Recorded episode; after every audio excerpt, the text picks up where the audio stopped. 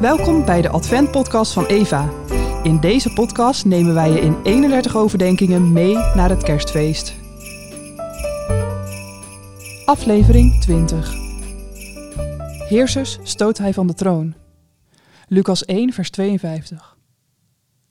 Dat eerste kerstliedje is niet zo zoet. Het klinkt nogal opstandig. Meer iets om op de stampvoeten in de kelder van een kraakpand.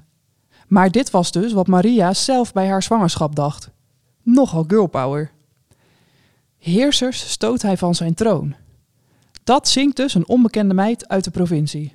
Maar het klopt. De machtigste heersers van die tijd, de Romeinse keizers, ze geven zich uiteindelijk gewonnen en bekeren zich. Wie honger heeft, overlaat hij met gaven, maar rijken stuurt hij weg met lege handen. Inderdaad, welvarende mensen zijn wereldwijd gemiddeld het minst gelovig. Ze kunnen natuurlijk wel geloven. Denk maar aan Jozef van Arimathea of Lydia de purperverkoopster of jezelf. Maar wie rijk is, ontwent en vergeet te vragen. Alle generaties zullen mij voortaan gelukkig prijzen.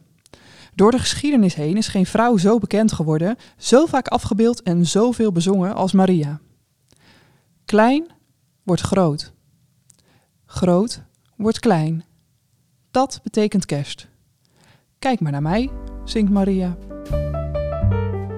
Wil je blijven genieten van podcasts zoals deze? Ga dan naar eva.eo.nl slash abonnee en steun ons.